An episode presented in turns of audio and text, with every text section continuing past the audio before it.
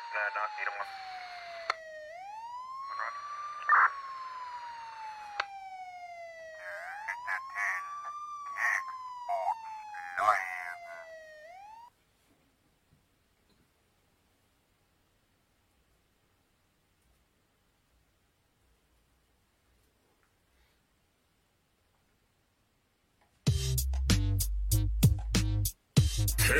One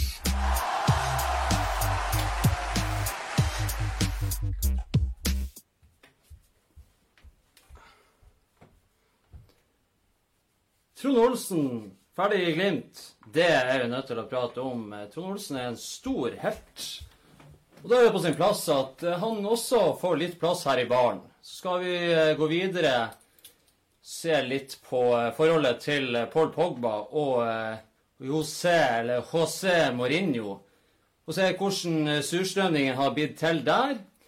Vi skal inn på Caresports mot Røk, som er blitt en sånn eh, ny folkefavoritt. Det er stor eh, Det er stor ekstase å få lov til å bli nevnt her i baren. Så er du blant topp fem den runden som har vært nå, så blir du det.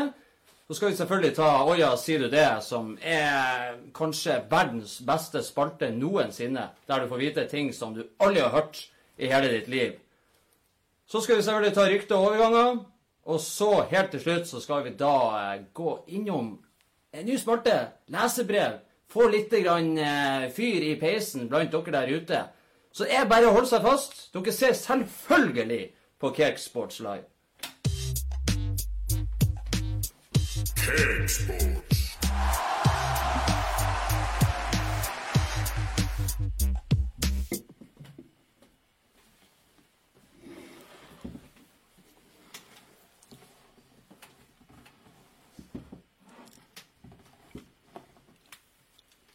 Da var vi på plass.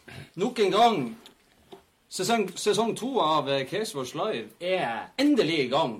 Så her, det her er jo andre episoden, da. Vi hadde jo en slags uh, Deadline Day-versjon sist uh, torsdag. Men uh, Vi er jo Det føles jo ikke som at Vi er jo blitt ganske rutinert. Vil, man, vil jeg jo jeg tørre påstå, i hvert fall Christian, nå er vi eh, Vi har hatt én sesong, og så har vi hatt VM-losjen. Nå sitter vi her igjen og skal eh, gi Norge en gavepakke, rett og slett. Fotballmessig så er jo dette en gavepakke fra oss. Det er jo det. Absolutt. Nå er Premier League i gang, og jeg, jeg, jeg, jeg er så glad! Det er grunn til å være glad. Absolutt. Og som eh, vi ser, så er jo eh, det er jo jeg som er visekaptein, tydeligvis, i K-Sports. Ja, når Daniel ikke er her. Og når Daniel ikke er her, så drar vi ned på kaia, og så går vi under brygga, og så finner vi litt søppel, og da finner vi han David Gaskill. Velkommen nok en gang. Takk skal du ha. Hvordan har eh, sesongåpninga vært for din del? Ja, Den Arsenal-kamp var mye lettere enn jeg trodde for, for mitt lag. Bortsett fra det, Liverpool var imponerende. Første kamp mot Westham. Var Westham dårlig, var Liverpool veldig god. Det har vi, det har vi nettopp snakket om. Um, men jeg syns det er bare fint å være her inne og begynne å prate om fotball når det regner så mye der ute. Det er nesten som jeg er hjemme i Manchester, vet du. Pissregn, øl og fotball.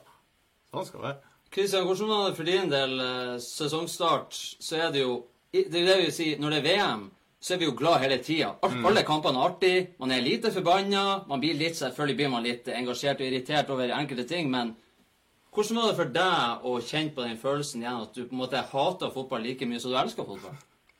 Jeg fikk jo aldri den følelsen, egentlig. For at mitt lag var jo faktisk så overlegen i den sesongåpningen. Jeg gleda meg før kamp, jeg var glad under kamp, jeg var glad helt siden kampen var slutt. Så jeg har ikke opplevd den, nedturen ennå, men det kan jeg komme snart. Men da er jo fallhøyden enda større, så eh, det trenger ikke å være noe Men det er jo fortsatt kjipt at det ikke er fotball hver dag. David, har du trua på at. City går helt til topps i år òg? Tjo hadde mer tro i går, før han Kevin De Bruyne datt og slo seg. Ja. Men eh, ja, de er ganske gode. Har de funnet ut hvem som var skyldig i at han ble skada? Ja, det var han um, um, Kevin De Bruyne sjøl.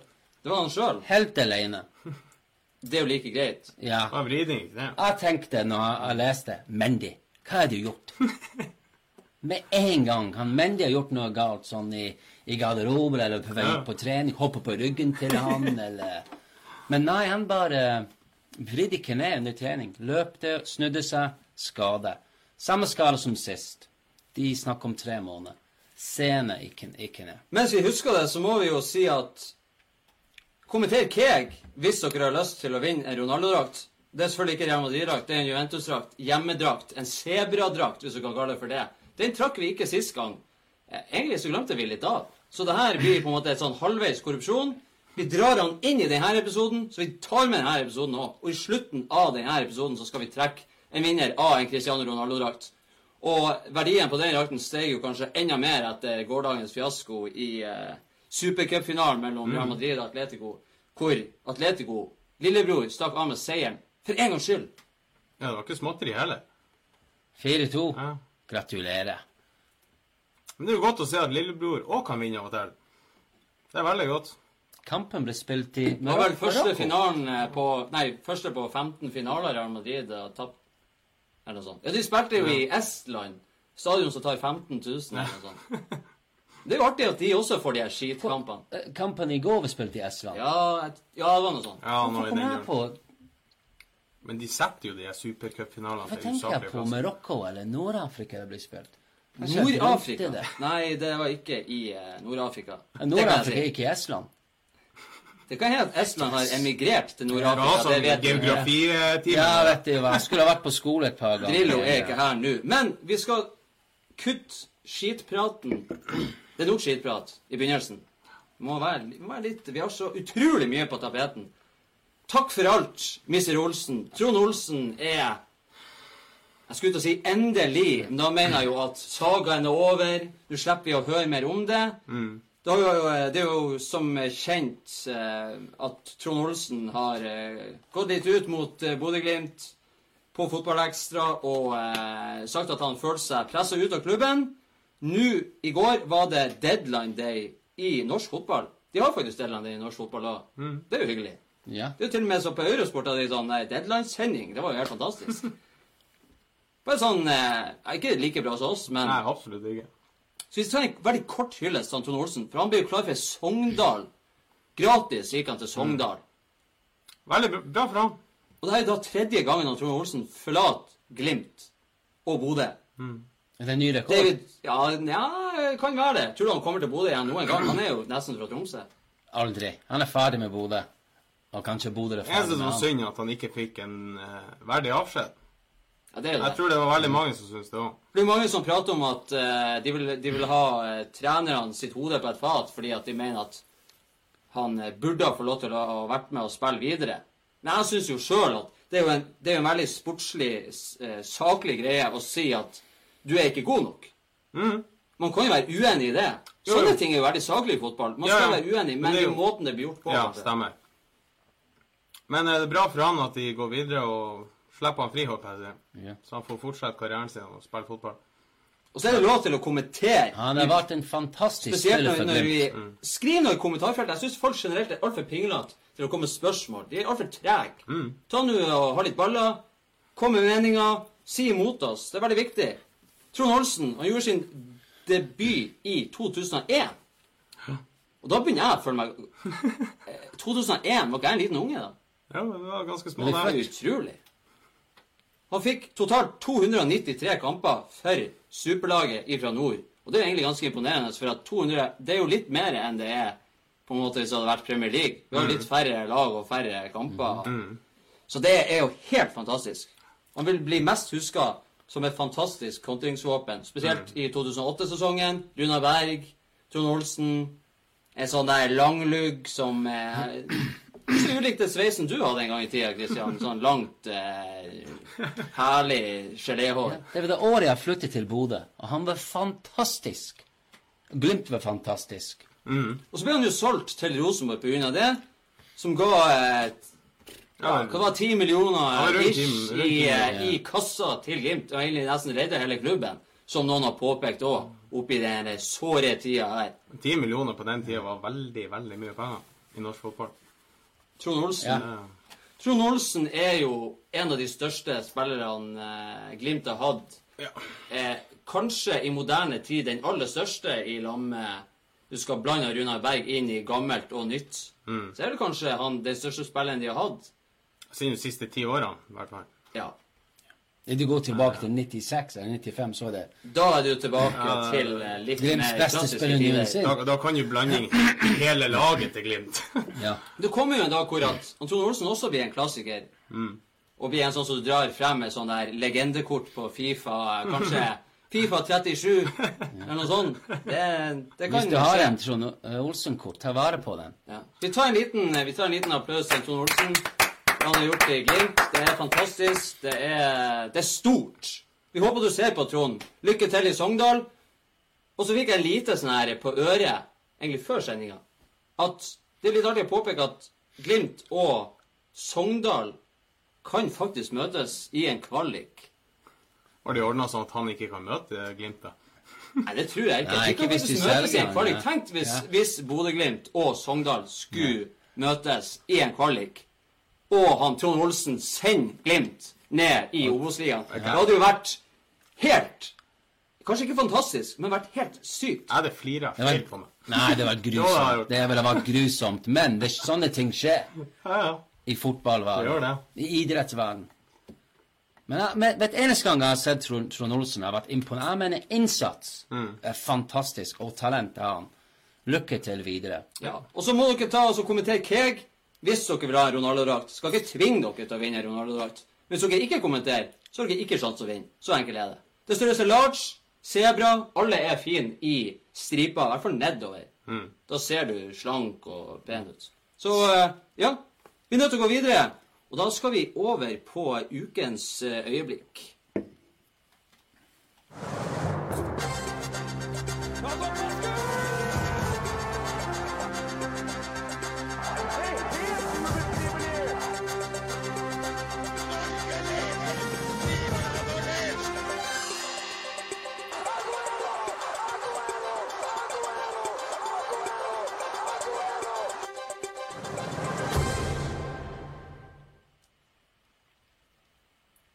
Ukens øyeblikk er Det er rett og slett et øyeblikk. Og eh, Pogba og Mourinho Grunnen til at vi velger å ta den her nå, er for at det er liksom med mye annet i fotball at du begynner å bli så dritlei av å høre det hver eneste dag. Uke etter uke, måned etter måned. Så skal vi ta det stegvis, forholdet til han Pogba og Mourinho. Bare for å få det lagt ned en gang for alle. Lage en sånn skikkelig lapskaus av alt det her. Og så skal vi begynne å danne oss litt grann, eh, meninger. Og det kan virke kanskje litt langtekkelig og kjedelig, men det blir underholdende. Det blir det. Underholdende og veldig interessant. Og kanskje litt morsomt. Ja. Det blir litt artig. Vi skal ta det sånn. Helt fra begynnelsen det har florert rykter denne sommeren om at han Pogba skal fære ifra United. Og det er mange som flirer, det er mange som skriker, det er mange som blir forbanna. For det her er jo en som var en eh, Som er en verdensklassespiller, og som var en ny rekord for bare To blir jo to somre siden. Ja. Og eh, det sies at forholdet mellom Mourinho og han Pogba har møtt Det har blitt en fjellvegg. De har rett og slett krasja i hverandre som to neshorn. Og det sies at Pogba skal være misfornøyd med fotballen som Mourinho ønsker å spille, og at han ikke får nok skryt. Han, kjenner, han trenger litt skryt for eh, frisøren, frisyra Alle trenger skryt. Det er noe sånn menneskelig i det at du trenger skryt. Trenger David, trenger du skryt i ny og ne? Ikke døgnet rundt. Jeg tror han trenger det døgnet rundt, han Akar. Gjør kanskje det. Men det er alltid hyggelig å høre at du er flink i jobben. Yeah. Eller Men han, eh, han Pogba, ikke sant? Han var ungdomsspiller, stemmer det? Ja, stemmer det. Så solgte de han når han, når han skulle tilbake. Det var en drøm. Det er blitt et mareritt. Men uh, går direkte at han vil spille for en ståklubb nå, og sånn er det bare. Så det fra begynnelsen. Høsten 2016, da er vi jo eh, to år tilbake. Pogba kommer til United for en verdensrekordsum, og Mourinho sier at han Pogba er Han er en av verdens beste spillere. Han kommer til den rette klubben som kan t eh, hente de beste spillerne i verden. Pogba sier at det er en klubb som har en spesiell plass i hans hjerte. Han var jo ungdomsspiller der, så det er jo naturlig.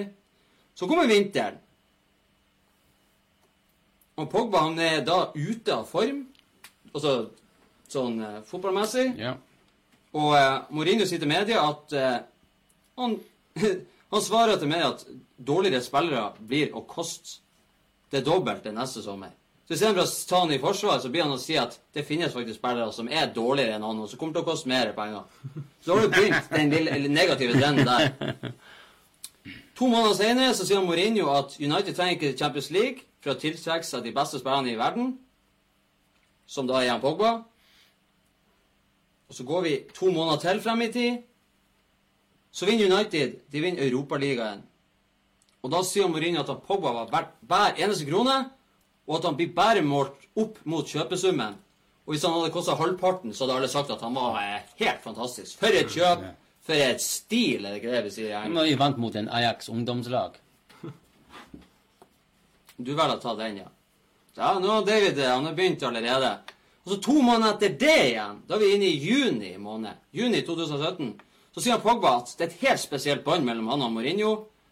Han kasta gull og diamanter etter Mourinho, hylla hans vi, eh, vinnerevne, vinner trofeer. Vant vel tre trofeer første sesongen, hvis jeg ikke tar feil. Og at han kan skifte på det taktiske. Og så kommer vi til Så går sommeren. Så kommer vi til en ny sesong. Begynnelsen av forrige sesong. Da sier han Pogba at han ler guttedrømmen, og at han vil vinne Premier League med United. Alle vet jo at United hadde en fantastisk start på sesongen. En fantastisk høst. De var jo Ja. der oppe og kjempa Ja, eh, om tittelen.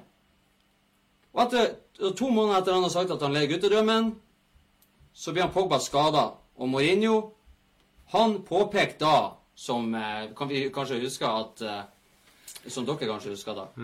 At han sier at hadde det her vært noen andre managere, så hadde de sutra om han Pogba hver eneste dag til media. Men jeg velger å ikke gjøre det. Jeg gidder ikke å bry meg om, for at jeg kan ikke bruke han. Vi skal ikke snakke om det Så gidder jeg ikke å prate om han. Til. Og så kommer han Pogba tilbake fra skade. Så skårer han i første kampen mot Newcastle.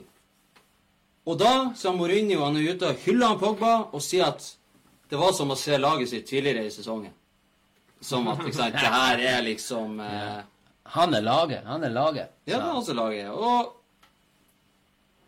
og så kommer vi Det her blir jo veldig sånn Det blir litt høyprat, men det er jo vanskelig å, å holde følge med det jeg sier, kanskje. Men to måneder etter det igjen, da er vi i januar 2018. Ja. Da sier Mourinho at Pogba er fornøyd med hvordan laget spiller. Det er ikke noe tvil om det. Og like etter det så blir han Pogba plassert på benken etter en periode hvor eh, United har gjort det litt dårligere. Så må han, eh, Pogba stå over en FA Cup-kamp for at han er sjuk. Og så sier han Mourinho at han tenker ikke på han Pogba. Han bryr seg ikke om han Pogba kan spille eller ikke. For den dagen han Pogba er spillerklær, så skal han tenke på han.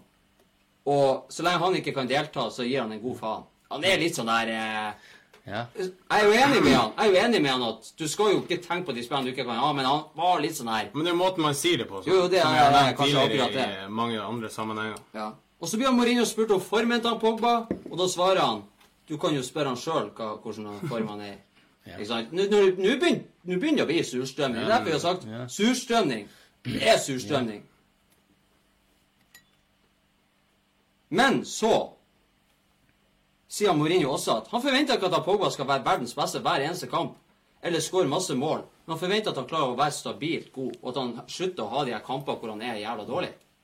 At han er sånn bob-bob. ikke sant? Det begynner å bli litt sånn der eh, surning. Og så begynner ryktene å komme om- om at Pogba vil bort. Og Mourinho sier at verken han har lyst til at det skal skje, og United har ikke lyst til at det skal skje. Og Pogba sier sjøl at eh, vi ser jo Det ser jo kanskje sånn ut på TV at vi er uenige på sidelinja, og vi er jo det, men han forholder seg til det. Og at han bygger på at han må sitte på benken, og at han skal bli et bedre menneske. Ja. og alt det der eh, Ikke stjerne en del av laget. Og så kommer vi jo nå da til sommeren, hvor det siste har skjedd. I juli så vinner jo han Pogba VM. Og eh, blir eh, Han ble jo kommet med på eh, VMs beste lag eh, i eh, Cakesports egen VM-losje. Da hadde jo han med på laget der. Jo, hadde vi ikke det? Jo, vi ja. Pogba var i hvert fall veldig god eh, under VM og eh, tok jo gullet der. Men Mourinho har vært å heller fokusere på at han ville ikke si, gå så langt og si at det er United som ikke får det beste ut av Pogba. Det er mer Pogba som ikke gir en innsats nok når han spiller for. United. Og så kom vi til august. Så starta sesongen forrige helg. og Da var Pogba kaptein og eh, tok straffa, satte den i mål og var giganten til United. Selv om United kanskje ikke var så veldig god i den kampen, så var han på en måte giganten for hjemmelaget. Og etter det så går han ut og sier at jeg kan ikke si noe mer. Jeg har masse jeg kunne ha sagt, jeg har masse jeg ikke burde, altså ikke burde si. Jeg får bot. Jeg blir å få bot hvis jeg går ut og sier det her. Han har vært like til Barcelona, til Juventus. Men i dag så sier jo, slår jo ryktene kontra, og så sier de at det har aldri vært noen problemer mellom dem. Så det som er, det her er et slags en reise i det emosjonelle psykiatrien, De må, de må jo si det for at det ikke skal bli? Supportere skal bli sur, Ja. og det skal bli trøbbel i innad klubben, og det ene og det, så må de jo si det. Love, tenker- heter det Love Island? Hva heter det program på TV? Det er vel Love være. Love Island. Det er de Jeg har personlig ikke sett det. Jeg vet ikke om Nei. du bruker å se det. Nei, det er derfor jeg sliter med navnet. Eller det er som The Gallagher Brothers? Ikke sant? Det er liksom det. Jeg elsker å hate hele tida. Ja. Og så er det svingninger. Og jeg skjønner godt at United-supporterne blir litt sånn eh, eh, Schizofren, kanskje? Jeg vet ikke. Pogba skulle aldri ha sagt det han sa. Pogba skulle aldri ha sagt det han sa. Det, Aldri! Det er kanskje ikke så lurt taktisk Det å er gjøre det det. er Nei, det er Men det her- hjernedødt å det si her er jo, det er jo en svingning i, eh, i eh, godt og ondt. Ja, Er de venner, eller er de ikke venner? ikke godt å si. Tror du Pogba har sagt et ord til Sanchez siden de eh, begynte å spille? Og det er jo litt av grunnen til at vi Jeg men det hele laget. det er jo litt av grunnen til at vi tar det nå òg, er jo fordi at det skal være ekstra interessant å følge utviklinga. Jeg har jo personlig uttalt at jeg tror at Mourinho får sparken denne sesongen. Ja, det har, vi- har vi alle sagt. United, jeg, har jo følelse på at United har lyst til å beholde han Pogba. De ser på han som fremtida. Han er jo en verdensklassespiller. Mm. har vært ungdomsspiller der. Jeg tror han, han Mourinho blir fære før han Pogba. Og da kan godt hende at Pogba syns at det er greit. Jeg er helt enig. Hvis, hvis Pogba forsvinner, hvem skal de ha? Fellaini skal han være i midtbanen igjen. Ja. Selv om han er meget effektiv. Jeg har kjent med bra mange United-supportere i Manchester, og de sier hvis Jeg har en kompis som sa hvis Fellaini spiller fast på United Jeg skal opp ned i høyblokk i Manchester, og jeg skal ikke ta heisen ned. Han er sesongkort på Old Trafford. United de har en sånn måte å spille i, og, og det kan forandre seg. og Du kan ikke bare leve ute fra, 19, eh, fra 2000 eller 1994. Eller, du kan ikke gjøre det. Men de mener spillere som Fellini skulle ikke være i laget. Men spillere som Pogba, med en riktig trener, Det, er fremtid i klubben. Og det vi så i, i VM det, For min del, det kan stemme. Han er veldig god. men det kommer Han er meget god. Kommer vi frem til sånn spillemessig sånn, så er det jo ikke spillerne er har jo- Stallen er jo meget bra. Han har jo selv, Fantastisk. Han, han har jo også uttalt at eh, det er naturlig at fotballspillere som får skryt, er friske i hodet og får selvtillit. Og så har han ikke sagt noe mer. Det er vel kanskje et tegn på at Kanskje han føler at han får for lite skryt. Ja. Han er veldig aktiv Han har ikke på alltid vært god i så jeg skal medier. jo være litt enig med Mourinho, men det handler om å, å ta spillerne inn i varmen. Mhm. At de skal på en måte få eh, Kanskje på en sånn Klopp-måte. Det er jo det som han Klopp Alle som eh, liker han Klopp, og de som også ikke liker han Klopp, Mm. syns jo at hans beste egenskap er jo at han klarer å ta spillerne inn i varmen og, Mm. og gjøre de bedre. Og så syns jeg at de som sitter og ser på, er litt for feige. Tror dere at han Pogba eller Mourinho drar først? Hvem drar først? Kommenter det. Mourinho. Og Absolutt. Vær så god. hvis dere vil vinne en fotballdrakt med Cristiano Ronaldo, Juventus Home Edition, så må dere skrive Keg i kommentarfeltet. Altså, hvem som ikke vil vinne den? Det er jo Og nydelig. den oddsen, og den oddsen dere har her, er langt større enn den oddsen dere har i andre konkurranser. Så er det ingen Facebook-konkurranser dere har større sjanse til å vinne. Da skal vi faktisk legge den død. Jeg tror faktisk også at han Mourinho Selvfølgelig, jeg sa jo det nettopp. Mourinho blir å fære foran Pogba. Pogba kommer til å bli i United, tror jeg, i eh, hvert fall fem år til. Pogba. Ja. Ja. Jeg tror han kommer til å bli kaptein. Jeg tror han kommer til å bli den store stjerna. En legende, han også. Mourinho, huk deg til helvete ut. Du har ingenting å gjøre i United når du oppfører deg som en forbanna drittsekk. Du ødelegger merkevaren til en av de største klubbene i verden. Om ikke den aller største. I hvert fall pengemessig. Og i dag så handler jo fotball om penger. Da skal vi se her om vi får opp eh, Kicksports mot Røk.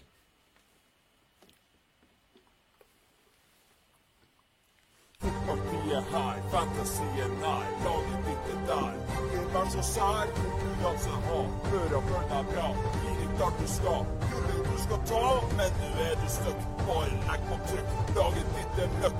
Mot tre mot trøkk, mot tre mot trøkk, mot tre mot trøkk, mot tre mot trøkk, mot tre mot trøkk.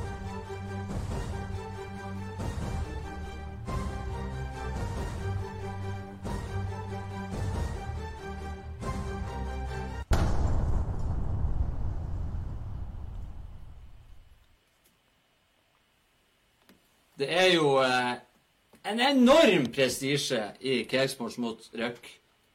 Cakesports mot Røk er jo vår fantasy-liga og fantasy-konkurranse. Der har ikke du vært med så veldig mye, David. Du Nei. er kanskje ikke så innkjørt i fantasy, men du er veldig flink til å kommentere spillere om de er drit gode eller drit dårlige. Takk skal du ha. Så eh, nå jo, Det var jo selvfølgelig første runde. Det er det som er litt annerledes nå enn det var under VM. Nå er det 38 runder. Det er jo en jævlig lang sesong. Og vi var jo egentlig ganske fornøyd, eh, Etter fredagen, ja. Ja, etter fredagen. Ja, jeg fredagen. var veldig fornøyd. Vi hadde jo en Luke Shaw i laget. Og varma mitt hjerte at han klarte å skåre det avgjørende målet. Men husker du vi han om ble mobba. Ja, ren mobbing i fjor. Vi En snakket om det. eh, ble mobba i to sesonger egentlig, av han Mourinho. Så at han ble den store helten, det smakte godt. Mm. Og vi hadde han i laget. Og vi landa jo på 63 poeng totalt. Og vi er ikke så veldig rutinert på det fantasy-greiet. Det må vi si. Vi er veldig rutinert. eh, Vi er jo best på fotball. Generelt. Cakesports kan fotball bedre enn alle andre. Men vi er ikke så veldig innkjørt på fantasy. Så vi tenkte 63 poeng. Det her må jo være ny verdensrekord. Fantastisk. Men vi fant ut at det var det jo ikke. Så vi er jo på en 52.-plass. Hva? Det er 104 deltakere med i Cakesports mot Røk per dags dato. Så vi er 52.-plass. Vi er rett og slett midt på treet. Ja, men det er der vi skal være der. Og så skal vi komme gradvis opp. Vi er ikke for langt bak heller. Vi ligger- Så dere er som Everton akkurat nå. Vi ligger, vi ligger og lurer, rett og slett. Og det er fantastisk. Vi traff godt på han eh, Mo Salah. Han fikk 16 poeng hos oss. Mm. Og så takk Luke Shaw fikk 11 poeng. Og så hadde vi han Bernardo Silva som skåra mot Arsenal. Fantastisk mål, forresten. David, eh, du kan jo ta og kommentere det. Det var et fantastisk mål. Men, men han Mendy, med innlegg der Hvor mange, hvor mange poeng fikk han i, i, Fantasy? To assist. Det er vel bare to assist. Hvor mange poeng får man for det? Den er assist-kongen. Som sagt så er jo ikke vi så innkjørt Vi kan ikke alle reglene utenat. Vi jeg- jeg kan bare ikke. tar de beste spillene, og så, og så vinner vi til slutt. Det var litt artig. Altså, vi satt og vurderte om vi skulle ha en Kanté med oss. bare. Så var det faktisk jeg som sa bare sånn Hvor mye poeng blir vi å kunne hente på han angående sånn mål og sånn? Og så Så enige, så heiv han ut, og så skåra han. og så er det veldig viktig å påpeke til de som sitter og ser på, og spre ordet videre at Cakesports Live er jo kommet på Spotify også. Det er helt fantastisk. Jeg tar en applaus til oss sjøl for det. For at hvis du ikke kan sitte og se det Det er jo faktisk sånn at når du tar tastelåsen på, hvis du ser på telefonen, så går lyden også av. Så når dere skal trene, når dere skal ta ferga, når dere skal sitte på flyet, når dere har eh, besøk av svigers, så tar dere på dere headsetet, og så hører dere på eh, Cakesports Live. Og det er jo helt fantastisk. Den kommer ut på Spotify ja, vi sier dagen etter eh, vi har hatt det direkte på Facebook. Og for de som ikke vet det, glemte jo å si han David fra våre nye seere. Vi har fått en del nye seere og eh, bestevenner etter VM-losjen. Du er jo en ekte engelskmann. Du er jo fra Manchester. Du er Riktig. derfor du holder med City. Ja. Du er ikke sånn, han er ikke sånn liksom-supporter som liker de kun etter at eh, El Sheikh Al-Safari kom inn der. Jo, det er faktisk sant. Og Du ble i hvert fall mer glad. Ja, veldig mange gode mandager nå. Det skjedde ikke før. På jobb. Uff. Mobber og krangling. Hver mandag. Takk Trond. Arve Nikolaisen han er inne to ganger og kommenterer 15. Han prøver sikkert å ha rett på meg, men nå prater jeg så mye at jeg får ikke egentlig med meg hva det er han skal rette meg på. Det er sikkert poeng ut ifra enkelte spillere. Ja, Christian, du må jo ta opp pokalen og vise hva det er de kan vinne til slutt. Det kan jeg gjøre, vet du. Så har han jo under der. Det har jeg, vet du. Jeg egentlig så har jeg lyst til å vinne han sjøl, for han er faktisk så nydelig at det har vært fantastisk. Her. Med logo oppe. Det er så nydelig. Vakkert. Skal snurre rundt til dere òg her. Det er helt fantastisk. Den er faktisk laga i Hvis dere, noen av dere der ute ser Game of Thrones, den er faktisk smidd hos den ene smeden i Game of Thrones. Så enkelt. Så enkelt er det. Med bra tung, altså. Jeg sleit nå voldsomt. Ja. Det er rent sølv, det der. Ja. Men de fikk 15 poeng. Det var det han Trond Arve Nikolaisen skulle ta frem til. Det er fint at dere hjelper til. Vi trenger litt hjelp. Mm. Hvem fikk 15 poeng? Mendy fikk 15 poeng Ja, i, uh, i Fantasy. Og jeg mener at jeg har rett når han Sadio Mané ble rundens poengsanker med 16, mener jeg at jeg har kommet frem til.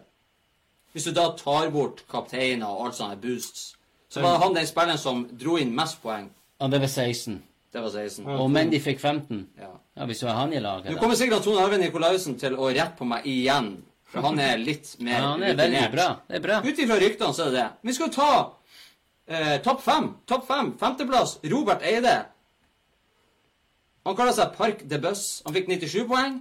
Fjerdeplassen går til Kenneth Jonassen, som kaller seg Up the, Uphill From Here. FC. 98 poeng. Tredjeplass, Stian Wegner. 1, 2, 3 FC. Det var veldig kjedelig navn. 102 poeng. Nå begynner det å bli veldig tett. 102 poeng på tredjeplassen. Andreplassen har 103 poeng. Det er han Truls Bjølverud. Han kaller seg Smukt. Og så har vi førsteplassen med 104 poeng. Så det er liksom to poeng som Ja. skiller Hvem første var, og tredjeplass. hvem var på første? Det var Morten Haugen. Strei FC, 104 poeng. Han gjorde det bra i VM. Eh, Han gjorde det. Han er rutinert, han er rutinert Ja. på Fantasy, virker det som. ja, Hvem vant VM? Eh, Fantasy. Så vant det var han Gøran Olsen. Han, Olsen. Han var Ja. pokal som er under deg. Det kan jo du eh, ta frem og vise. eh, Den Står pokalen der. Der. Den er så liten at den vises egentlig ikke i hylla under baren heller. Men det er greit å ta med. Han glinser veldig Likevel. fint. Likevel. Det er det som er fint med, med sølveffekt, er at Hold opp, ja. den eh, Det blir som en glorie. Ja. Jeg vant en uh, DAT-pokal som var sånn her en gang. Jeg vant. Jeg kom på andreplass. Men jeg fortalte min mor jeg vant. Og så er det viktig å påpeke til dere som deltar i Cakesports mot Røk, at dere må like sida hvis dere skal ha muligheten til å vinne. Det er ikke gyldig seier hvis dere ikke liker. Og så må dere ja, Vi kan si at vi må dele ti ganger, kanskje.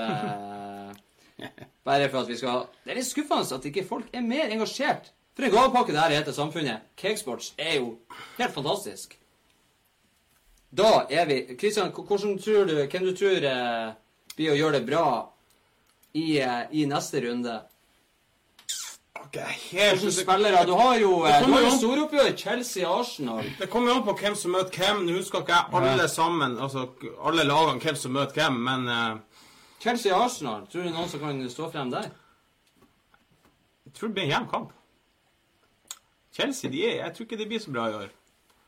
Og Arsenal har ikke ser så bra ut i det hele tatt. David, har du, Så, et, eh, David, har du et tips? Hvem Ja. City spiller mot? Dere spiller hjemme mot Ipswich Huddersfield- hver kamp. Ja, ja. Huddersfield. Så jeg vet ikke hvem som skal spille i mål for Huddersfield, men hvis han har en bra kamp bare møte Huddersfield, bare sette Aguero på topp, så er du der. Eh, Forresten, hvorfor får ikke De Gea mest poeng hver kamp, som er banens beste i hvert eneste kamp?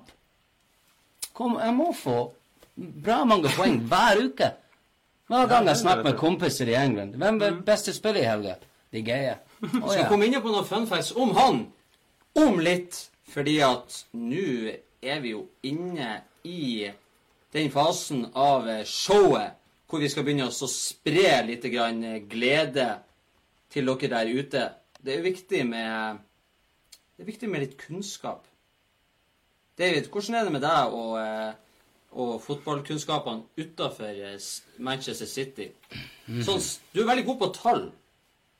Du husker jo Du husker jo eh, hvem som var tredje bytte til City i bortekampen i 1967 mot Men du vet egentlig ikke Ja. når jeg har bursdag. Nei, jeg har ikke peiling når du har bursdag. Det er Glimt Glimp også som blir tredje innbytter, forresten. I den kampen de snakker Ja, om. det er finurlige greier. Vi skal da, Jeg er bare imponert. vi skal da gå videre i programmet, som sagt, til det fantastiske Oi, ja, sier du det? Å ja, sier du det? Det hadde du ikke trodd, nei. Det er det sykeste jeg har hørt. Å ja, sier du det? Det er kanskje den beste spalta i hele verden. Vi har eh, tatt patent på den. Vi har eh, sendt inn til Guinness rekordbok og foreslått at det her eh, burde Her burde dere komme og ta en liten sånn her eh, visitt for å faktisk få oppleve hvor ekstremt fantastisk det er. Før vi går videre, vil du vinne Ronaldo-drakt? Kommenter nå Keg i eh, kommentarfeltet. Det er ikke så jævlig vanskelig. Det er fire bokstaver. Og da har du muligheten til å vinne Ronaldo-drakt. Jeg forstår ikke hva problemet Tidenes første. Med to bukser av akkurat det samme. Det er ingen grunn til å ikke ha lyst til å vinne Ronaldo-drakt. Spesielt når vi ser hvor dårlig det går med Real Madrid allerede uten han. Selv om du ikke vil ha han sjøl, så kan du gi han bort i julegave, Det er veldig enkelt. Ja. Når sommerferien er over, så er det snart jul. ja. Og det er Det som brukes som push. Gratis julegave. Det er rett og slett skremmende. Ja, det er. Lite deltakelse på akkurat den biten der. Vi får se om vi gidder å trekke en vinner i det hele og store. Da skal vi se her hva programmet sier. Vi kan jo begynne med Du nevnte jo han eh, David De Gea, som mange liker. Ja, stemmer det. Veldig fancy uttalelse. Og da er det Han hadde ei redning i løpet av VM i Russland. Han hadde ei, ei redning. ja. Jeg visste ikke det var så Mot Leicester i første omgangen så hadde han to redninger. Sant? Og da er det jo også eh, en applaus verdig og allerede slått sin egen rekord. Det er helt fantastisk. Men Leicester er god. Leicester var veldig god i den kampen der. Det er fantastisk. Lionel Messi Folk blir lei av han. Ja. Jeg tror det er en skjegg, vet du. Blir lei av han. Man blir jo lei av han fordi at han er så god. Du blir litt lei av det. Lionel Messi han har vunnet 33 trofeer som Barcelona-spiller nå. De spilte jo sånn super, eh, spansk supercup-joss. Ikke sant? Eh, Cupvinner mot eh, og det der. Han vinner 33 som Barcelona-spiller. Det er det meste i Barcelona noensinne. Så han er jo da en rekordholder igjen. Nok en eh, formidabel prestasjon. Tidenes mest dekorerte Barcelona-spiller. Jeg ble egentlig litt overraska over at han ikke var det før nå. Det må jeg egentlig bare si. Han er nettopp gått Nettopp forbi blitt mestvinnende Barcelona-spiller. Flest trofeer i Barcelona. Ja, hvem er det? Hvem som var det før, det vet jeg ikke, men han er blitt det offisielt nå. Det er det som er det poenget. Og så, David, du som eh, kan litt mer sånne småklubber i England. Uff. Jeg håper det. I 16-17-sesongen så fikk han opprykk med Brighton. I 17-18-sesongen så fikk han opprykk med Fulham. Og får han da et opprykk i 18-19-sesongen, innværelse sesong med Sheffield United. Sheffield United har signert den nordirske landslagsspilleren Oliver Norwood på lån fra Brighton, med opsjon på kjøp. Tror du at Sheffield United bør rykke opp? At han får sitt tredje opprykk på tre år? Ja. Etter du, det. Når- det kommer sånne opplysninger, det, de må bare si ja. Selvfølgelig. Det er skjebne. Det er sånn, Vi har ikke fått beskjed av, eh, av amerikanske stat av å, eh, å rigge til sånn her. Nei, men eh, Starta jo fint. De slo jo hva QPR de slo. De er fire poeng. Ja, De starta jo litt tidligere. Mm. Ja, det er sju sant, Det høres jo veldig imponerende ut. Du rykker rykka opp mot, med Brighton, du rykka opp med Fulham, og nå er du i Sheffield United. Jeg tror ikke han blir henta fordi at han er en sånn der savior, eller hva. Jeg tror rett og slett at de her klubbene han har vært i, har ikke akkurat gitt han æren for at de har rykka opp, virker det som, siden Nei. de latt han gå. Det blir interessant å finne ut hvor mange kamper han spilte hver Han er sesong. jo sånn opprykksekspert. Ja, Så- og nå er jeg forresten ekspert for å få et lag opp og ut Det eh, blir litt artig å følge med på Sheffield United i år. Ja. Hvem hadde trodd det? Det blir det. Og så skal vi videre til en enda mer artigere fakta. Du er veldig glad i James Milner, er du ikke det, David? Elsker han James Milner. Ja. Du elsker han James Milner? ja, hele familien elsker han. Fantastisk fyr. Det tror jeg ikke på. Sier du det? Nå er det jo sånn at han James Milner er ikke den som har flest assist i Premier League-historien. Det er da Ryan Giggs. Han har 160 et eller annet, tror jeg. Eller 130, jeg husker ikke. Men det er Ryan Giggs som er på topp. Men bare for å sette ting i perspektiv James Miller han har 79 assist. David Silva han har 75. Og så har du han Paul Scholes som har 55. Og så har du han Mesut Özil som har 50. Og så har du han Juan Mata som har 49. Skal det sies at Milner har noen del sesonger mer enn David Silva, da? I Premier League. Men jeg skal ta han James Milner i forsvaret og si at han er engelsk. Det er ikke han David Silva. Og han spiller back. Hvor mange resister han, David- eh, han er- Hvor mange resister han Milner?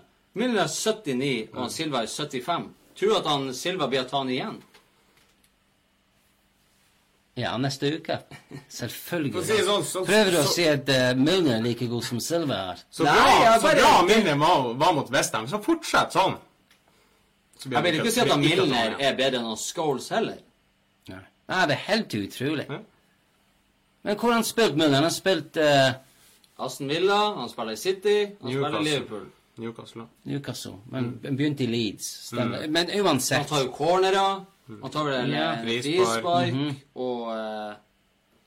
Vet du hva, når du Men faktisk til å ha vunnet så lite som han har gjort også. Han vant jo litt med, med City, men han, han har jo ikke, han har ikke vunnet med Liverpool. Nei.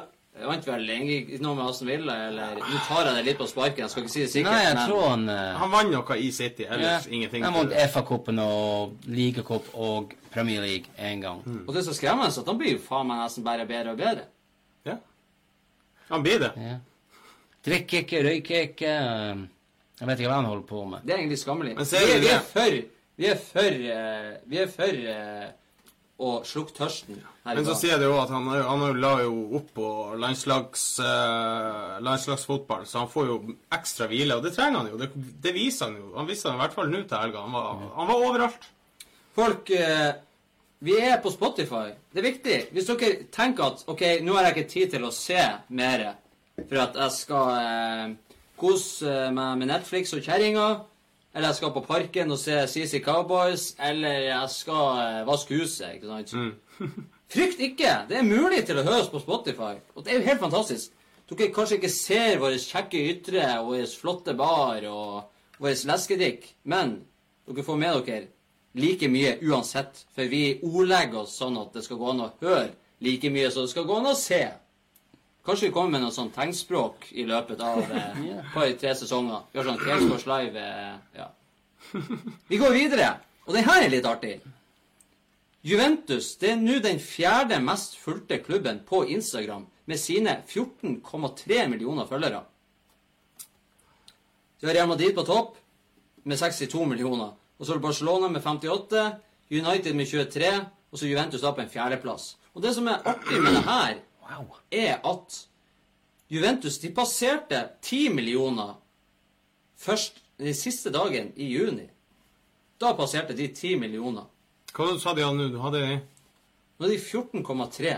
Og det vil si at i løpet av seks uker så hadde de hatt en vekst på 40% Altså det vil si ca. 4 millioner Og det er på grunn av i én løpet av spiller. seks Ja. uker. På grunn av én spiller. Ja. Skal vi sette det i perspektiv, så er det bare 14 klubber i verden som har minst 4 millioner følgere totalt.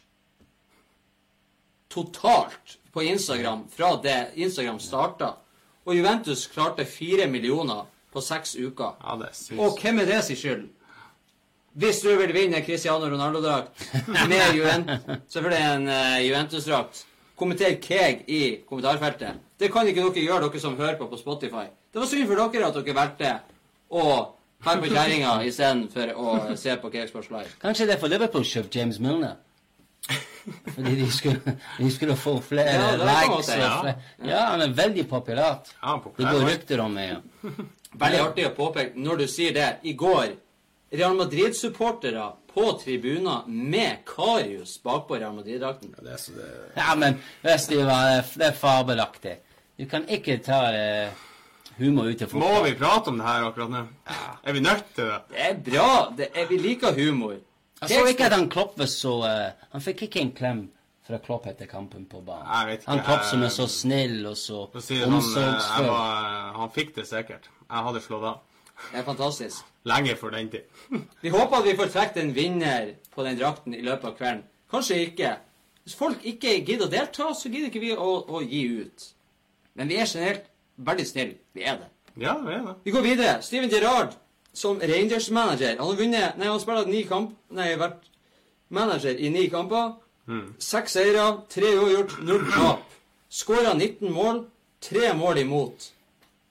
Er det bra, David? Er du glad i han Gerrard? Nei, jeg er ikke glad i Gerrard. Jeg er ikke, jeg er ikke, jeg er ikke ja. Jeg har ingen mening om Steven Gerrard. En bra fotballspiller, men ikke min mann. Men uh, hvis han kan få det til der oppe, og de kan begynne å konkurrere mot Celtic Jeg vet ikke hvis folk har vært i Glasgow. Jeg har vært i Glasgow. Og så, Og det er helt utrolig. og så tar Celtic med, Rangers. selv om det er egentlig helt på trynet, latterlig statistikk Rangers de er for øyeblikket over Celtic på tabellen. Rangers er nummer tre etter to runder. Ja, Ja, men. Celtic har tapt en kamp. Rangers. Rangers fortjener å være der oppe igjen. det er det største, største klubb i Glasgow, Glasgow Rangers. Det er ikke noen diskusjon. Men tenk på det, at Celtic har tapt en kamp allerede Ja, etter det- to runder. det- det Det skjer er jo, ikke. Når skjedde det sist? Det skjer ikke ofte, for å si det sånn. Og slår ut uh, Champions League òg. David, hva er det det. beste med Skottland?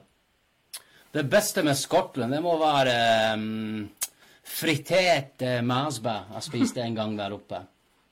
En Sjokolade? Ja, ja. det det jeg sett det der på TV. Du kan ikke seriøst mene at det er godt. Jo, vi fikk det i sånn fish and chip-butikk der oppe. Det er en masbæ, de har uh, dypt, dypt fritert, de tar ut Du må vente litt, forresten. Det må du gjøre. Må vente, det er ganske varmt. Og, og så kan du spise den. Du friterer en Ja, sjokolade. riktig. Du, altså frityr. Ja, det, Altså, det, det er her, fett det her må jeg men, prøve. Ja, men de har de, ja, men de, de dypte i greier først. De sånn mer, ikke mer, det er sånn Det er hemmelig, selvfølgelig. Jeg skal finne det er det det. beste med Skottland. Jeg skal finne ut av det. Det er faktisk det beste med Skottland. Med andre ord så er det ikke veldig nødvendig å dra dit. Nei, det er, nå er det et fantastisk land. Det er det. Det er et fantastisk land. Buffon og Casillas de starter en ny sesong for sine klubber. Det er Buffon sin 24. sesong og Casillas sin 20. sesong. Og de står likt i antall kamper på seniornivå. Begge har 1078 kamper. Og da deler de en niendeplass for flest kamper gjennom alle tider. Vi har ikke gidde å sjekke opp hvem som har flest. For det er gjerne et navn. Det er sånn som når du, når du går inn på Når du skal søke opp tidenes beste filmer, så går du inn på ei sånn topp ti-liste, og så er sju av de filmene sort-hvitt fra 1938. Ja.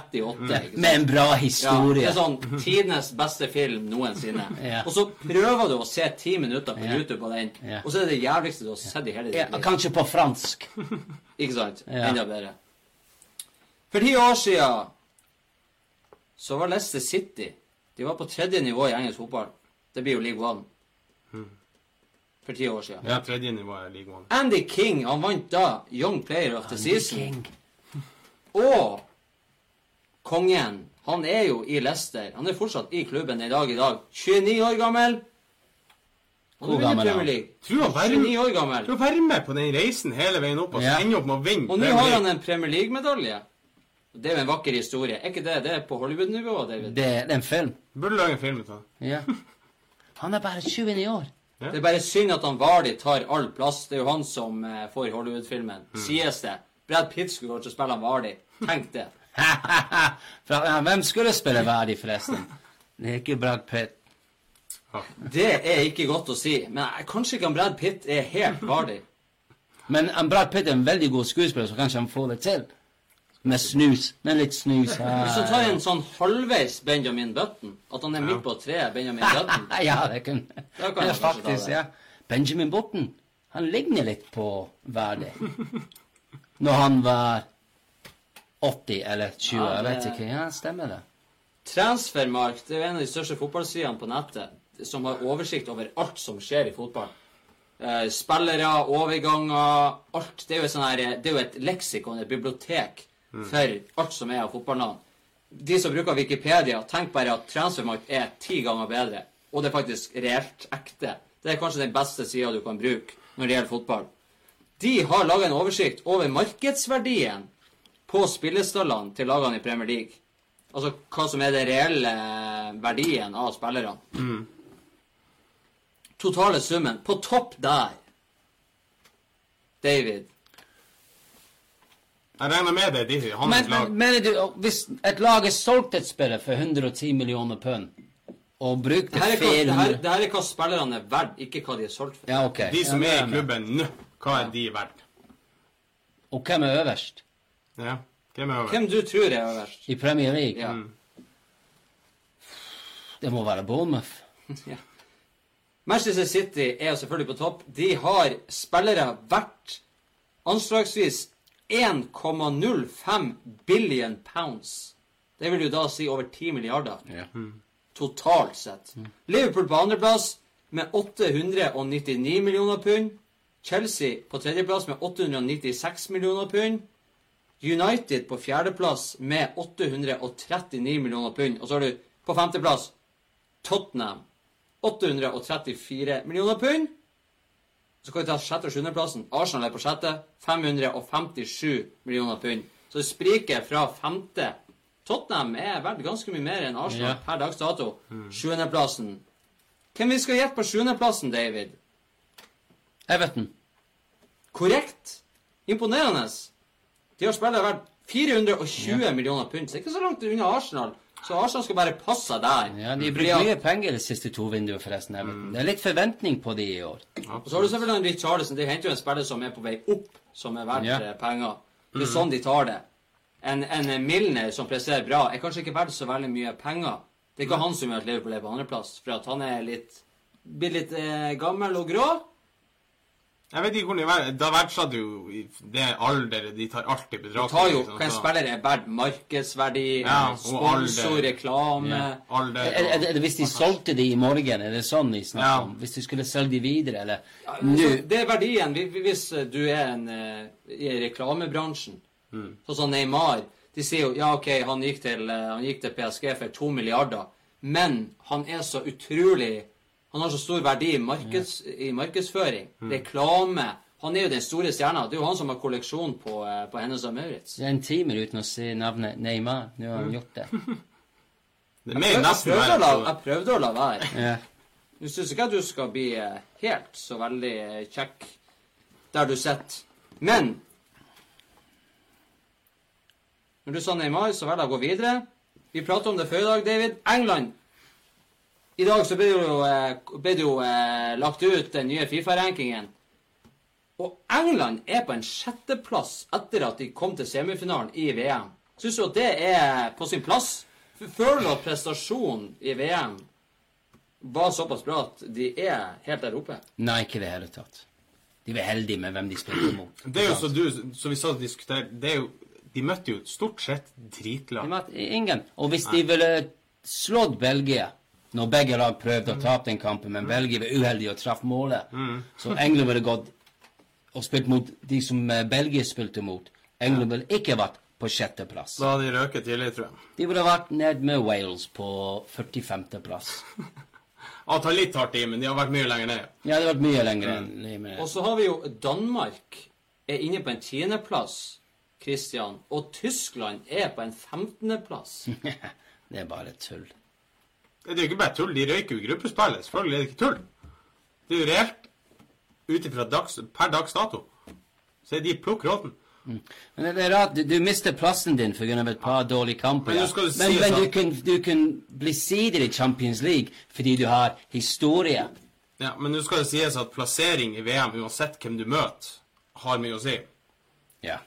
Uansett om du møter Tunisia og Panama og det, alle de eh, landene der, så har ikke det så mye å si. Det er Plasseringa har veldig mye å si. Ja. Så det er jo antageligvis derfor at England er så høyt oppe som det er, og Tyskland er nede på 15. 15.-plass. Ja. ja. så er Frankrike på førsteplass for første gang på jeg tror det var 16 år. Ja. Tapt finale i EM, vant VM. Ja, skjønner det godt. Belgia på andre, Brasil på tredje, Kroatia på fjerde, Uruguay på femte. Hvorfor er Brasil på tredje? Nei, Altså, jeg er en god grunn. Hvorfor er Uruguay på femte? Det spør jeg. Ja, det England på sjette, Portugal på sjuende, Sveits på åttende, Spania på niende og Danmark på en tiendeplass. Danmark er på en tiendeplass. Norge er på en, en godkjent 53.-plass, eller hva det er det er for noe. Ja, det er jo sånn Cook Island er foran de, eller noe sånt. Men um, Sverige, vet vi noe om de? I farta? Sverige tror jeg De gjorde jo et meget bra eh, var ganske langt opp. Ja. Jeg er ikke så veldig glad i Søta Bror. Det er litt som Tromsø. Hold dere unna meg. Det er De like er så jævlig kjedelig, Sverige. Det er derfor Christian, de, Ja, skulle de- være på hundredeplass, de De som spiller den fotballen de må spille. Og Christian da- finner frem, Jeg skal fi- jeg- finner frem eh, tabellposisjonen til Sverige mens vi tar en eh, liten eh, 25. plass, Jeppe. reklamepause her. Du hører på Cakesports Live.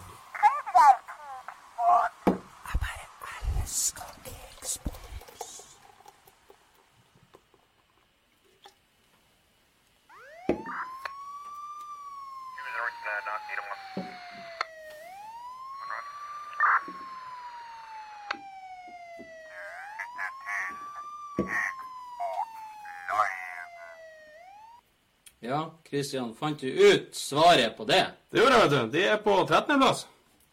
Foran Tyskland. Colombia på 14. Uh, Tyskland på 15. Det er jo helt fantastisk. To skandinaviske lag foran Tyskland på Fifa-rankingen. Ja, det er helt sinnssykt. Norge på 53. Ja. Liten fun facts er Burkina Faso over dem.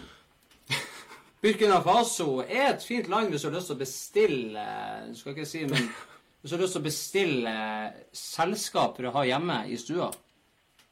Har jeg hørt at det er noen som bruker å bestille. Det er sånn nettside. Men vi skal ikke gå inn på det.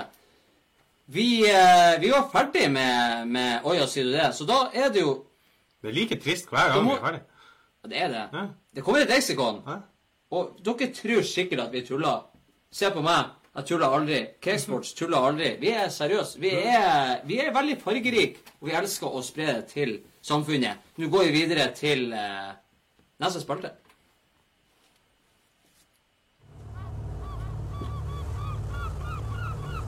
Skål da, folkens! Skål! Skål da! Du, word on the street er at du har begynt å kjøpe klærne dine på tilbud.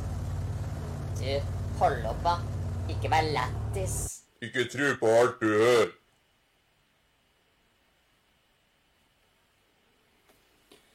Ikke tro på alt du hører. Det er jo rykter og overganger. Nå har vi hatt deadline day, men det har skjedd ting etter det. For det var jo den engelske Hva kaller det? Deadline day for Premier League, hvis man skal si det på en korrekt måte. De kan jo fortsatt selge spillere. Nå skal jo det opp til omkamp igjen. Om de skal flytte den igjen. Det kan gjøre, for at Nå skjer det veldig mye i Europa. Det har gjort veldig, det har skjedd veldig mye. Spesielt i Serie A synes jeg har skjedd veldig mye sånne her interessante overganger. Ikke bare denne sommeren, men de siste dagene etter at overgangsvinduet i England eh, ble eh, stengt. Vi skal først og fremst begynne å prate om eh, bortskjemte dritunger som legger opp på landslaget. Det er i hvert fall min mening. Det er utrolig mange spillere som har lagt opp på landslaget etter VM. Og det er ganske naturlig, fordi at de tenker OK, uff, nå er det lang kvalifisering til. Jeg gidder ikke å reise til Sør-Afrika. Eller jeg gidder ikke å reise til Afrika, eller Jeg vil ha litt fritid. Det her, det blir som eh, Du får ikke noe fleksetid, ikke sant? Jeg håper han skulle ikke si David Silver i denne setning. For det er det. Selvfølgelig er han med der. Han Piquet, han har lagt opp på Spania. Han David Silva, han har lagt opp på Spania. Det er jo bra for City sin del. Det er jo kjempebra for City sin del. David Silva har vunnet alt med Spania. ja. Ja. Han har en ung gutt som er alvorlig syk. Han har bestemt seg nå skal jeg ta det litt med ro. Jeg, jeg, skjønner, jeg skjønner han litt. Og det det, jeg er, og det er det som er fint, for at jeg skal, man skal ikke ta alle under én kamp. Nei. Det er det som er hele greia. at Man forstår jo de som på en måte har vunnet alt, at jeg kan på en måte ikke gjøre det bedre. Nei. Og, så er det kanskje litt mer Det er lettere når du er fra en mindre nasjon. For du, jo, du blir en superhelt for, eh, for de mindre nasjonene som eh, ikke kan vinne noe. Og det er veldig viktig. Men Piqué har jo vært eh, tidenes mest uh, upopulære spiller på Spanias landslag. Han blir jo pepet av banen hver eneste kamp. Stemmer det. Så eh, da gidder ikke han mer. Silva gidder ikke mer. Mario Mandzukic legger opp på Kroatia. Toluca legger opp på Kroatia. Og keeper Subasic legger opp på Kroatia. Og det er vel kanskje, Christian Er det rett og slett fordi at de ikke kan gjøre det bedre? De kommer til finalen. Ja, altså Det er det beste resultatet Kroatia har hatt noensinne. Jeg rett og slett mener de har så mye penger nå At de tenker nå skal jeg bruke det. Når sesongen er ferdig, jeg må til EM, VM, treningskamp, treningsled. Det er noen av de som begynner å dra på årene, og de har sett veldig mange andre spillere som har begynt å dra på årene tidligere, og de har lagt opp, og så har de fått en lengre karriere for klubblaget. Yeah. For de får mer hvile fordi at de trenger mer hvile. Og det kan jo være derfor. Ja. Og i tillegg har de vunnet nesten alt, og som man sier, Kroatia har kommet til en VM-finale. De blir aldri i verden å gjøre det noe bedre enn det. Så på klubbnivå og sånn, så er det faktisk en smart avgjørelse. Jeg, jeg, jeg har en jobb hvor jeg ikke jobber i helga. Jeg er veldig glad for det. Ja. Så jeg tror de tenker om samme vei. Vet du hva? Mm. De er unger, og vet, jeg må få litt fri her. Ja, men ikke sant, Du tenker sånn som de her landslagspausene de, de snakker om i oktober der, som er to uker uten kamp. Så de, Ja. Da slipper de reiser, Ja. de slipper all treninga, de slipper alt det. Ja. Så kommer de uthvilt mot en, mot en høstsesong. Det er gull verdt for en uh, Premier League-klubb. Kan du fortelle meg der ute, er det ingen som har lyst til å vinne Cristiano Ronaldo-drakt? Juventus-drakt. Det er jo noen som må kommentere, selvfølgelig er det det. Ikke bare nå, men eh, de siste to ukene. Ja da. Så man skal jo ikke si at uh, folk ikke prøver, men få nå, kom igjen. Sjansen er enormt stor. Og så eh, Victor Moses har også lagt opp på Nigeria. ja, hvor gammel er For han han? tenkte at Nigeria kan ikke få bedre drakter enn det vi hadde i VM. Ja.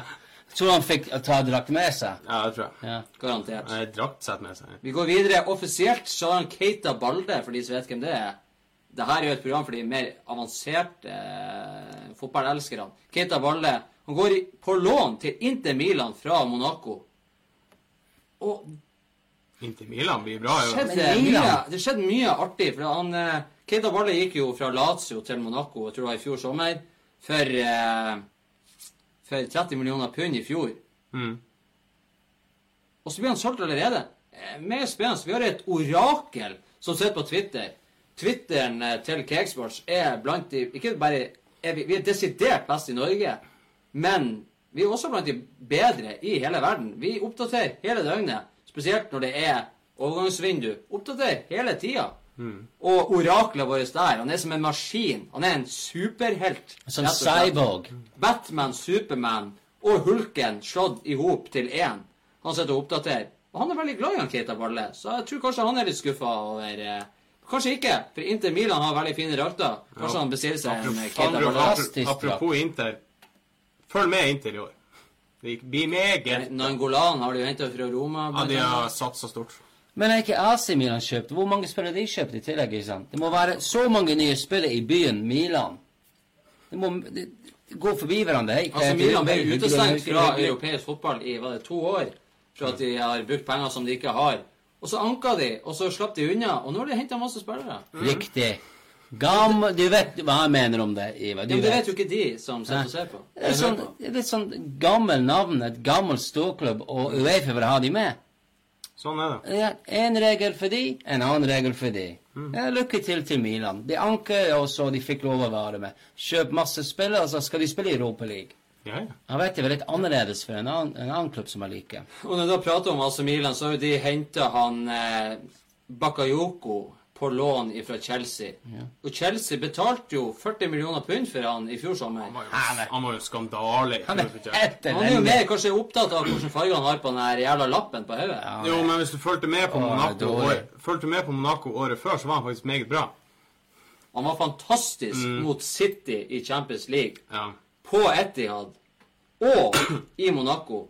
Han var fantastisk. Han var ganske god. Så det var, var, det var ikke uten grunn at de kjøpte ham, men alle, spill, alle spillere passer ikke i alle klubber. Sånn er det bare. Eller, de passer i alle byer, ikke sant? Ja, det er jo Og manager. Det er mye mye som spiller inn. Det er fantastisk. Og Uniteds eh, det, her, det her reagerte jeg litt på. Ryktene sier at United har lyst til å gjøre han De Gea til den best betalte keeperen i England. 200 000 pund i uka. David, er det nok? Han fortjener dobbelt så mye. Hvor mye er det 400 000 i Han Sanchez? Ja, Ja. En Sanchez skulle gi De Gea Men da skal du ha mindre bare, for, mindre bare for at du er en keeper. Nå er viser jo, nå viser jo undersøkelser at statistisk sett så får jo keeperne De er jo veldig underbetalt i forhold til utespillere. Men når du er så god som De Gea, som er en av deres beste Men spillere den- totalt sett Ja, men den keepermentalitet, det forandrer seg uansett. Det begynner jo å skje. Du har jo sett eh, Edison, Ellison, 30 Al- Han Allison, Fem millioner. Ellison på, og han mm. verdensrekord Kepa på Chelsea. Ja. Og så han som eh, Chelsea-keeper som gikk til eh, Courtois. Hvis du drar fra en klubb og de betaler 50 millioner pund, og du er en keeper Du skal ikke få um, peanøtter i lønn, ikke sant? Ja, men vi sitter jo alltid og prater sånn her. 50 millioner for en keeper? Hvis Altså, ikke han er får mer enn 200 000 pund, og jeg er veldig sånn Jeg sier at alle er en overbetalt drittunge, Ja. men Andregea er ikke det. Det er jo han som holder liv nærmest i klubben. eh. Ja, ja. Jeg tror det er mange United Jeg vet noen United-sportere, de er helt enig. Og ikke sant, De tjener altfor mye penger. Alle vet det. Men i når du setter i perspektiv Hvis Sanchez er her, og De Gea sin lønn er Hvis her du tar i Hvem er viktigst av de to? Hvis du tar i, i moderne tid? Du sier etter han Ferguson, når det ble en ny æra Hvis jeg hadde vært United-supporter og skulle kjøpe meg én drakt med en spiller Det er første gangen noensinne at jeg hadde kjøpt meg en keeperdrakt. Mm. Jeg hadde kjøpt en De Gea-drakt. Ja. De Gea er jo den største stjerna i Han United, alt. Han er absolutt alt. Hvis du tar alle de siste sesongene én etter én. Og når du da Ja. prater om United Zinedine Zidane han skal få et øye for Premier League. Han har lyst til å ta over United, Må sier ryktene. David, hvordan føles det å må nei, på en måte nei, gå inn og så eh, få litt sånn der hateforhold til en av tidenes eh, beste fotballspillere? Ja, en spiller som jeg har stor respekt for, og ikke elsker, men uh, fantastisk spiller også. Så mange gode kamper med han. Så hvis han drar dit, så er alt ødelagt. Dessverre. Blir det å snakke like stygt om han som du har gjort om uh, f.eks. han uh, van Gaal eller Mourinho? Ja, ja, ja. Selvfølgelig. Dessverre. Hvis ikke skalla jævla ja. Hvis min mor finner ut at jeg ikke snakker stygt om ham, kommer jeg til å få han å gjøre det. Så han må gjøre det. Kristian, er du overraska over at han Wilfred Saha har fått en ny femårsavtale med Crystal Palace? Nei, egentlig ikke. Trodde du at han skulle ferie i sommer? Nei. Han er altfor han, Nei, han er altfor ustabil og Ja. Jeg bare Den ene kampen er han kjempegod, og andre kampen så er han borte helt Han, han totalt. minner meg litt om Ronaldo når han kom til United. Ja. Det er mye dansing. Ja, og det, det, er litt for mye din, og dill Han får litt mål og litt sånn men det er utrolig mye Han, han syns det er mest artig å få applaus fra tribuner for at han tar eh, noen Mm. finter og legger seg ned. Han skulle oss. Entertainment business. Så sier sånn, Det er vel en grunn til han ikke blir solgt derfra. Tottenham hadde jo litt lyst på han, men de har jo kjøpt, de har jo kjøpt og betalt og bygd ny stadion. Mm. Så dermed så fikk jo han Saha en ny lønn på 130 000 pund i uka. Unnskyld, hvor mye? 130 000 pund. Han gir 10 av lønna si til veldedighet, så det er jo hyggelig.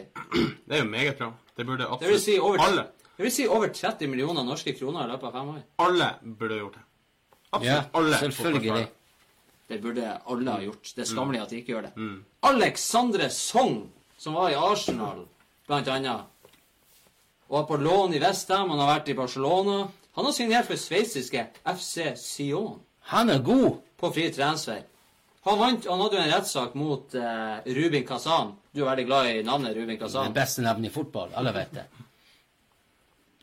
Fordi han hadde en rettssak der hvor han fikk ikke utbetalt lønn, og han skulle terminere kontrakten, og de mente at det ikke var gyldig, men så fant eh, dommeren ut at eh, det var gyldig. Så da fikk han gå gratis derifra, og da har han endt opp i sveitsisk fotball. De ligger vel, Sion ligger vel på en femteplass, tror jeg, i sveitsisk fotball. Så ja, ja, kanskje det blir store stjerner der. Og når vi snakker om stjerner, husker vi VM. Denis Cherishev, en av de store stjernene, kanskje den aller største for Russland, Ja. skårer et par fantastiske mål.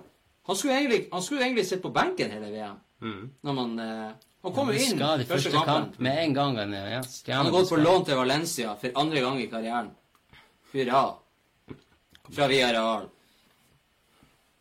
Og så en spiller som alle kanskje trodde hadde lagt opp. Samuel Eto'o. Han har signert for Qatar. SC. Hva det nå enn står for. De er gode. Og det er hans 13. klubb i karrieren. Tror du at han blir en stor hit i uh, Qatar? Ja, ja. Garantert. ja, uten tvil. Jeg blir en stor hit i Qatar.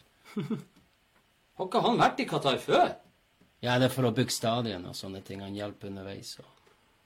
Mange Han bare er- snekrer.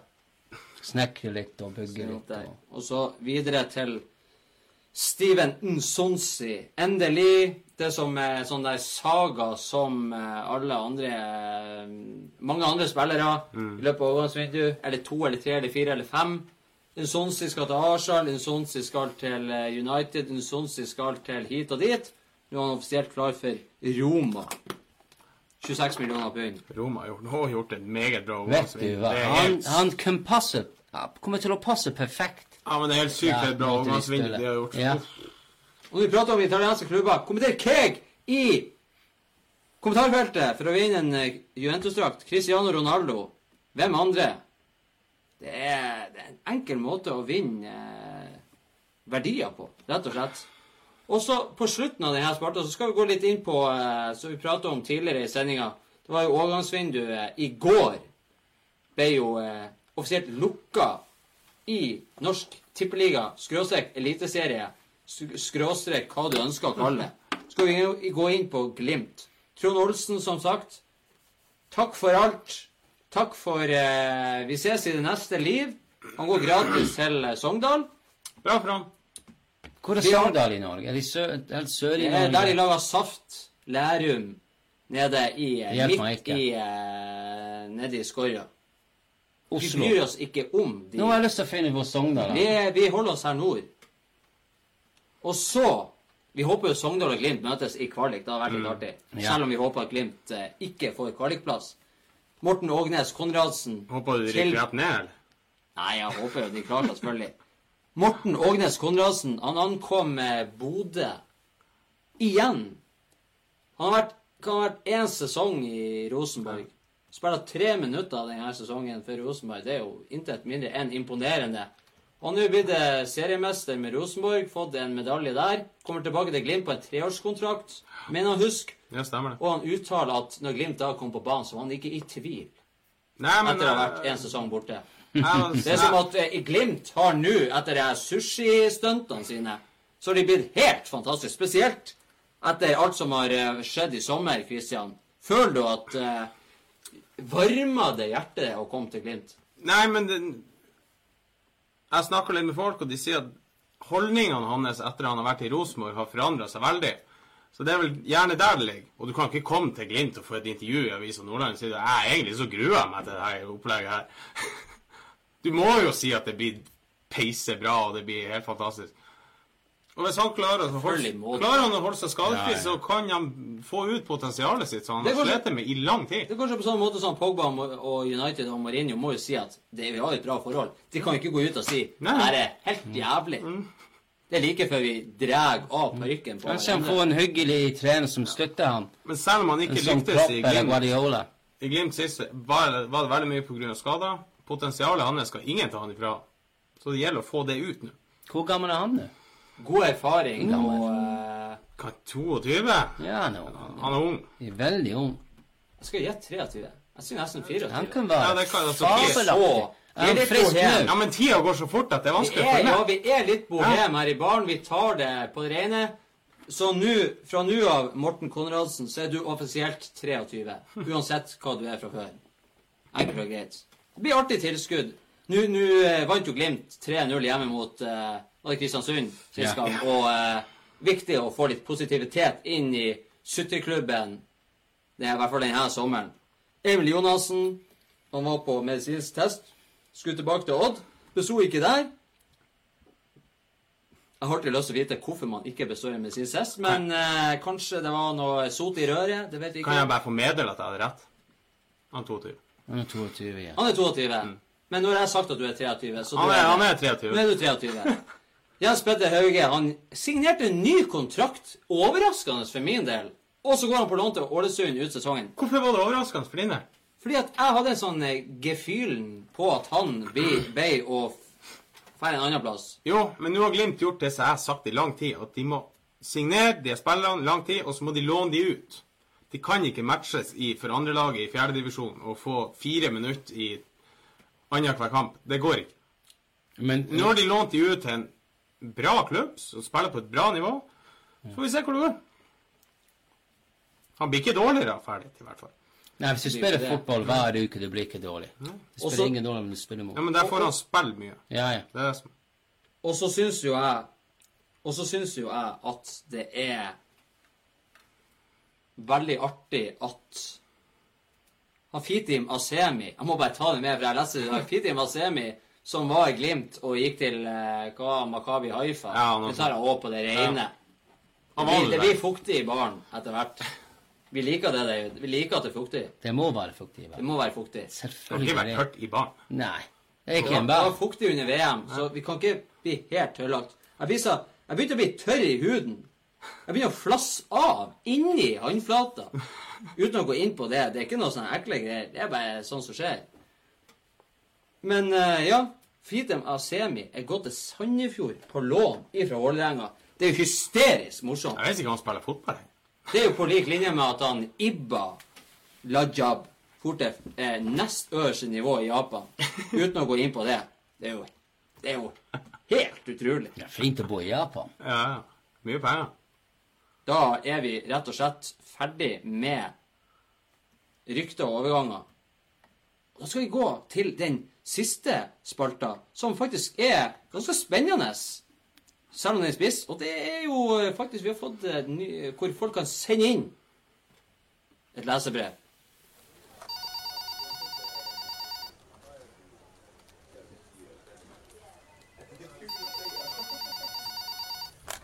Ja Du snakker med Cakesports. Hva sa du?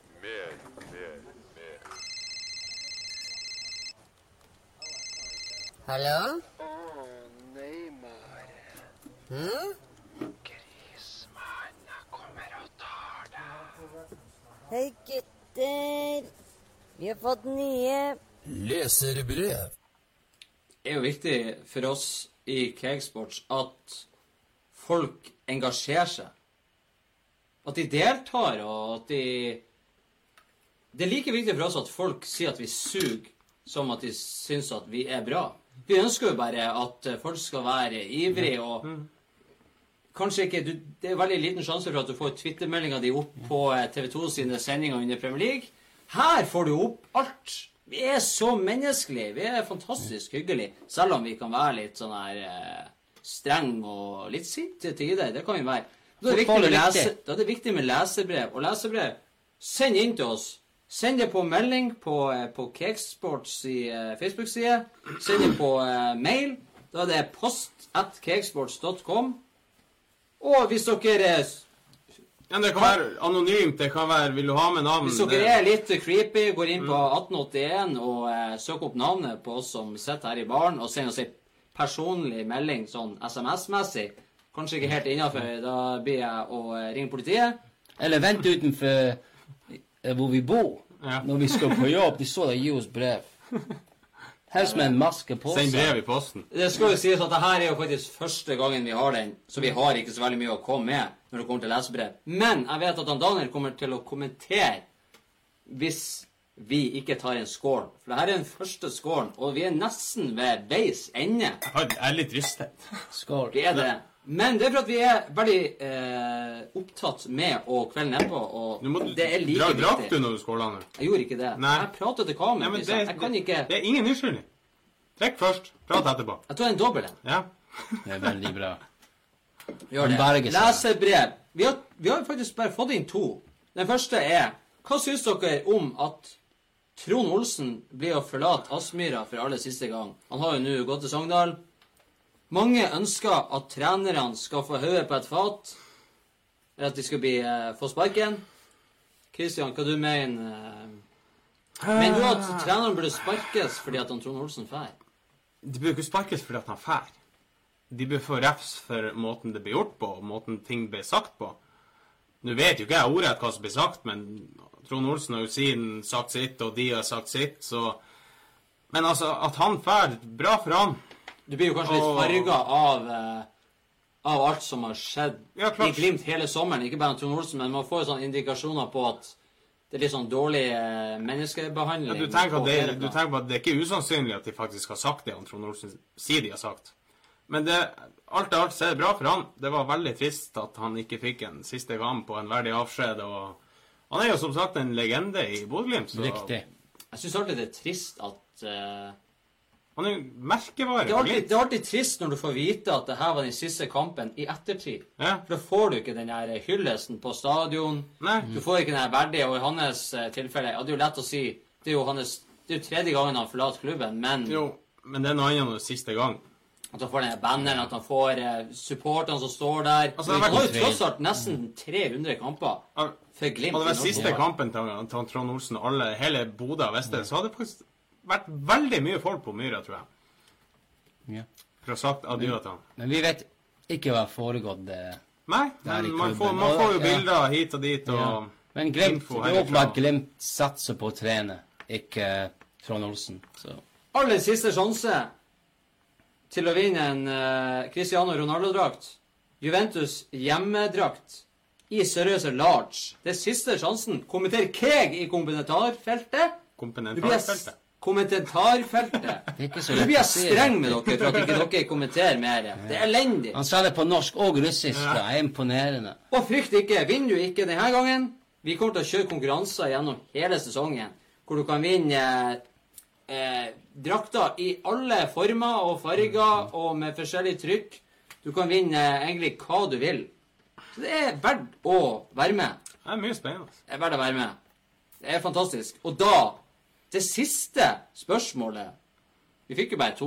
Vi er ikke så store. Vi kan jo si det. En dag så er vi det, men Ja, men det er jo første gang vi har det sånn at folk begynner å bli ordentlig klar over at de faktisk kan Ja. sende oss spørsmål. Det her må jo du svare på, Kristian, egentlig.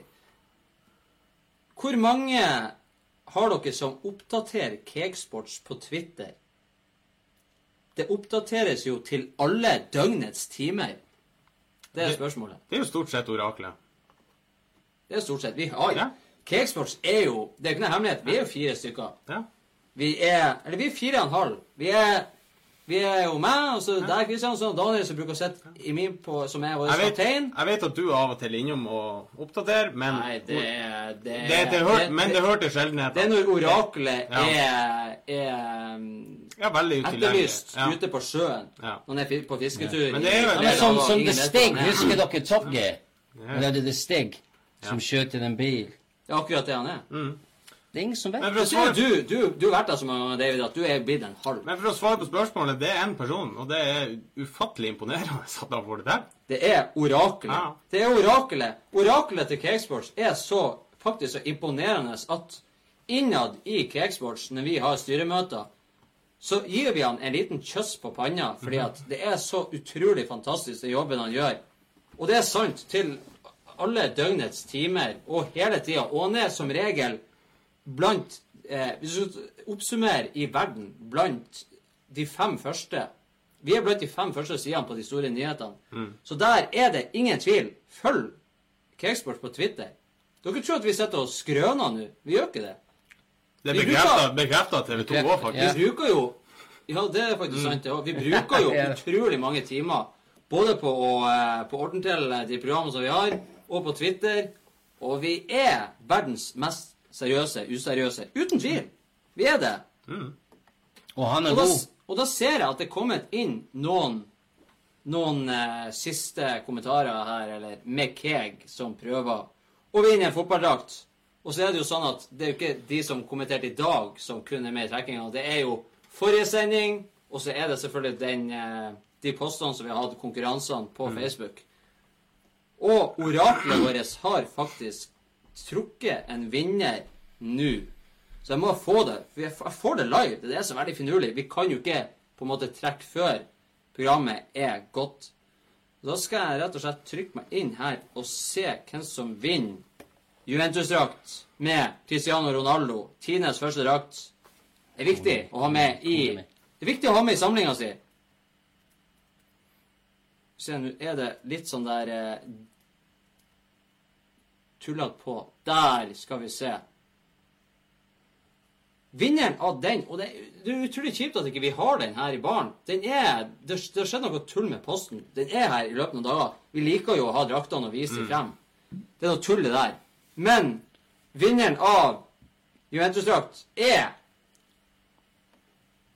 Skal ha trommevirvel, eller? Vi kan ha tro, trommevirvel, David. Ta det det. med trommevirvel. Vinneren av Juventus-drakten er Hans Petter Nilskog. Gratulerer, Hans Petter Nilskog, med en hjemmedrakt Juventus, Cristiano Ronaldo, Så er det så large, for øvrig. Det er nå Vi vet jo ikke Vi kjenner ikke folk, så vi vet ikke hvordan det blir å sett. Da er det rett og slett bare å Hvis han er liten, han må begynne å spise. Hvis ikke De passer passer alle uansett. Ja. Og med det så er jo på en måte programmet kommet til veis ende. Men frykt ikke, Cakesports er jo eh, her for å bli. Ikke bare denne sesongen, men alle sesonger frem i tid. Og vi håper jo egentlig at vi kan sette sånn her på Facebook og ha det i baren. Og så er det veldig viktig Vi er på Spotify. Den kommer, Episodene kommer dagen etterpå på Spotify. Det er utrolig viktig for oss å påpeke. Det er viktig for dere å laste ned. Ha det på sånne her offline-greier når dere skal på flyet. Når dere skal uh, sitte på skolen i klasserommet. Kan stå på jobb og høre på det. Stå på jobb. Har du et eh, moderne høreapparat, så kan du faktisk høre på det til enhver tid. Det er veldig sånn finurlig greier. Og hvis det blir mye mas med kjerringa, det blir mye mas med typen, så er det bare å skru på det viktigste som er å høre på der ute. Og det er ekte eh, god mannskittprat, rett og slett. Og der er faktisk han, Hans Petter Nilskog han er inne og kommenterer allerede når han har vunnet drakten. Han skriver 'Tusen takk, dere er min favorittpodkast'. Og det er jo eh, fantastisk. Det er nydelig Det er fantastisk Veldig hyggelig. at, eh, å få en sånn tilbakemelding. Vi savner litt eh, Vi savner litt Det er tilbakemelding. rett og hyggelig med slett. tilbake. Da skal vi faktisk avslutte her i baren. David, tusen hjertelig takk for at du kom når eh, han Daniel ikke kunne gjøre det. Tusen takk. Vi blir å se deg igjen i løpet av Fantastisk. sesongen, det kan jeg jeg håper det. garantere. Jeg håper det. Det kan jeg garantere. Ja. Kristian, eh, vi ser jo deg igjen. eh, Heldigvis så ser vi deg igjen eh, neste uke. Da er en siste skål. Da er en Ja. siste skål. ja, det skal jeg gjerne være med. Trengte litt mer. Jeg er Faktisk imponert og rutinert og klar å holde på i siste. Da skal jeg også drikke. Jeg har spara den her lenge. Og da sier vi faktisk eh, takk og adjø. Vi ses eh, neste torsdag. Og som vanlig så er vi best i verden, og vi ønsker dere alle godt. Og eh, ha en fortreffelig helg, dere som skal på Perkenfestivalen. Eller eh, som eh, skal se fotball. Det var dere sjøl. Så eh, ha det bra.